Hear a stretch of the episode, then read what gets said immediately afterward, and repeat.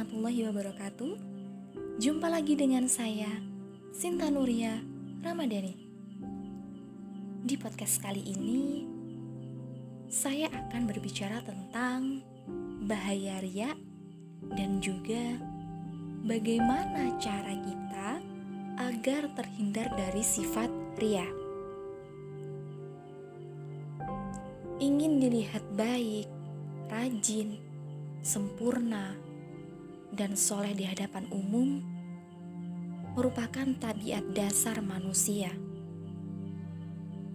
Tabiat dasar ini sangat sulit dilepas dalam diri manusia. Terlebih lagi, jarang sekali manusia di dunia ini yang tidak ingin dipuji orang lain. Dalam kamus Islam, perilaku seperti ini disebut ria. Al-Hafidh Ibnu Hajar Al-Asqalani dalam kitabnya Fathul Bari, ria adalah menampakkan ibadah dengan tujuan dilihat manusia.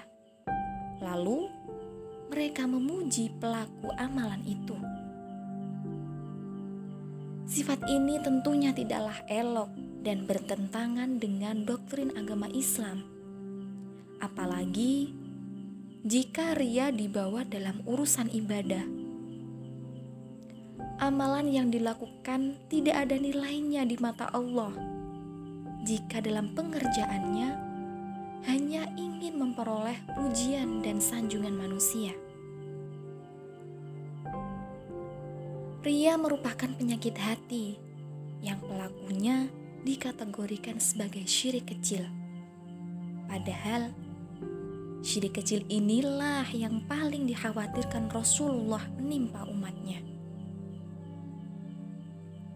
Nabi SAW bersabda, Inna akhwafa ma'akhofu alaikum syirkul asghar Qalu Wa ma syirkul asgharu ya Rasulullah Qala Arya'u yang artinya sesungguhnya yang paling aku takutkan menimpa kalian adalah syirik kecil.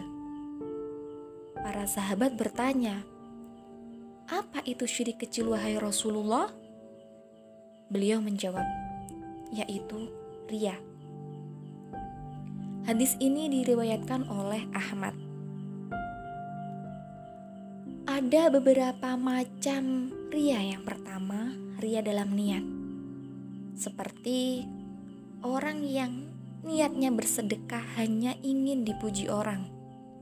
Yang kedua, ria dalam per beribadah. Contohnya, membaca Al-Quran bila ada yang melihatnya. Dan yang ketiga, ria dalam perbuatan. Ketika ada seseorang yang memberikan barang kepada orang lain dengan niatan pamer supaya dipuji orang. Lalu, apa saja yang kita dapat akibat berbuat ria? Yang pertama, membatalkan amalan. Hal ini sudah dijelaskan Allah dalam firman-Nya Quran Surat Al-Baqarah ayat 264. Dengan berbuat ria, maka akan membatalkan amalan kita atau menghilangkan amalan kebaikan kita. Hal ini ya karena niat kita bukan karena keikhlasan pada Allah, melainkan untuk mendapat pujian.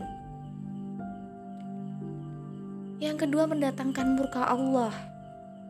Firman Allah, Quran Surat Luqman yang artinya dan janganlah kamu memalingkan mukamu dari manusia, dan janganlah kamu berjalan di atas muka bumi ini dengan angkuh. Sesungguhnya Allah tidak menyukai orang-orang yang sombong lagi membanggakan diri. Dari sini, jangan sampai kita kehilangan rahmat Allah dan kecintaan Allah hanya karena kita tidak tulus dan ikhlas menjalankan perintah Allah. Yang ketiga, termasuk orang yang celaka.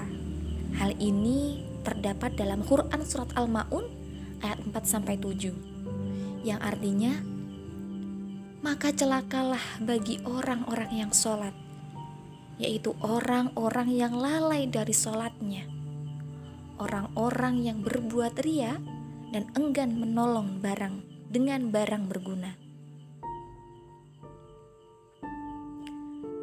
Dari hal tersebut, bagaimana cara kita agar terhindar dari sifat ria? Berikut penjelasannya menurut Islam. Yang pertama, bermujahadah atau bersungguh-sungguh dalam ibadah. Hadirkanlah motivasi keakhiratan, ketauhidan kita agar keinginan tersebut tidak hadir dalam ibadah kita. Yang kedua, memahami tujuan hidup. Hal ini juga terdapat dalam Quran surat Az-Zariyat ayat 58 yang artinya begini. Dan aku tidak menciptakan jin dan manusia melainkan supaya mereka menyembahku. Dari sini Allah sudah menetapkan kita hidup di dunia adalah untuk menyembah dan beribadah kepada Allah menjadikan Allah sebagai tempat bergantung dan hanya Allah lah yang paling berkuasa atas diri manusia. Untuk itu, kita tidak boleh menyombongkan diri dan melakukan riak karena hal tersebut bertentangan dengan tujuan hidup kita.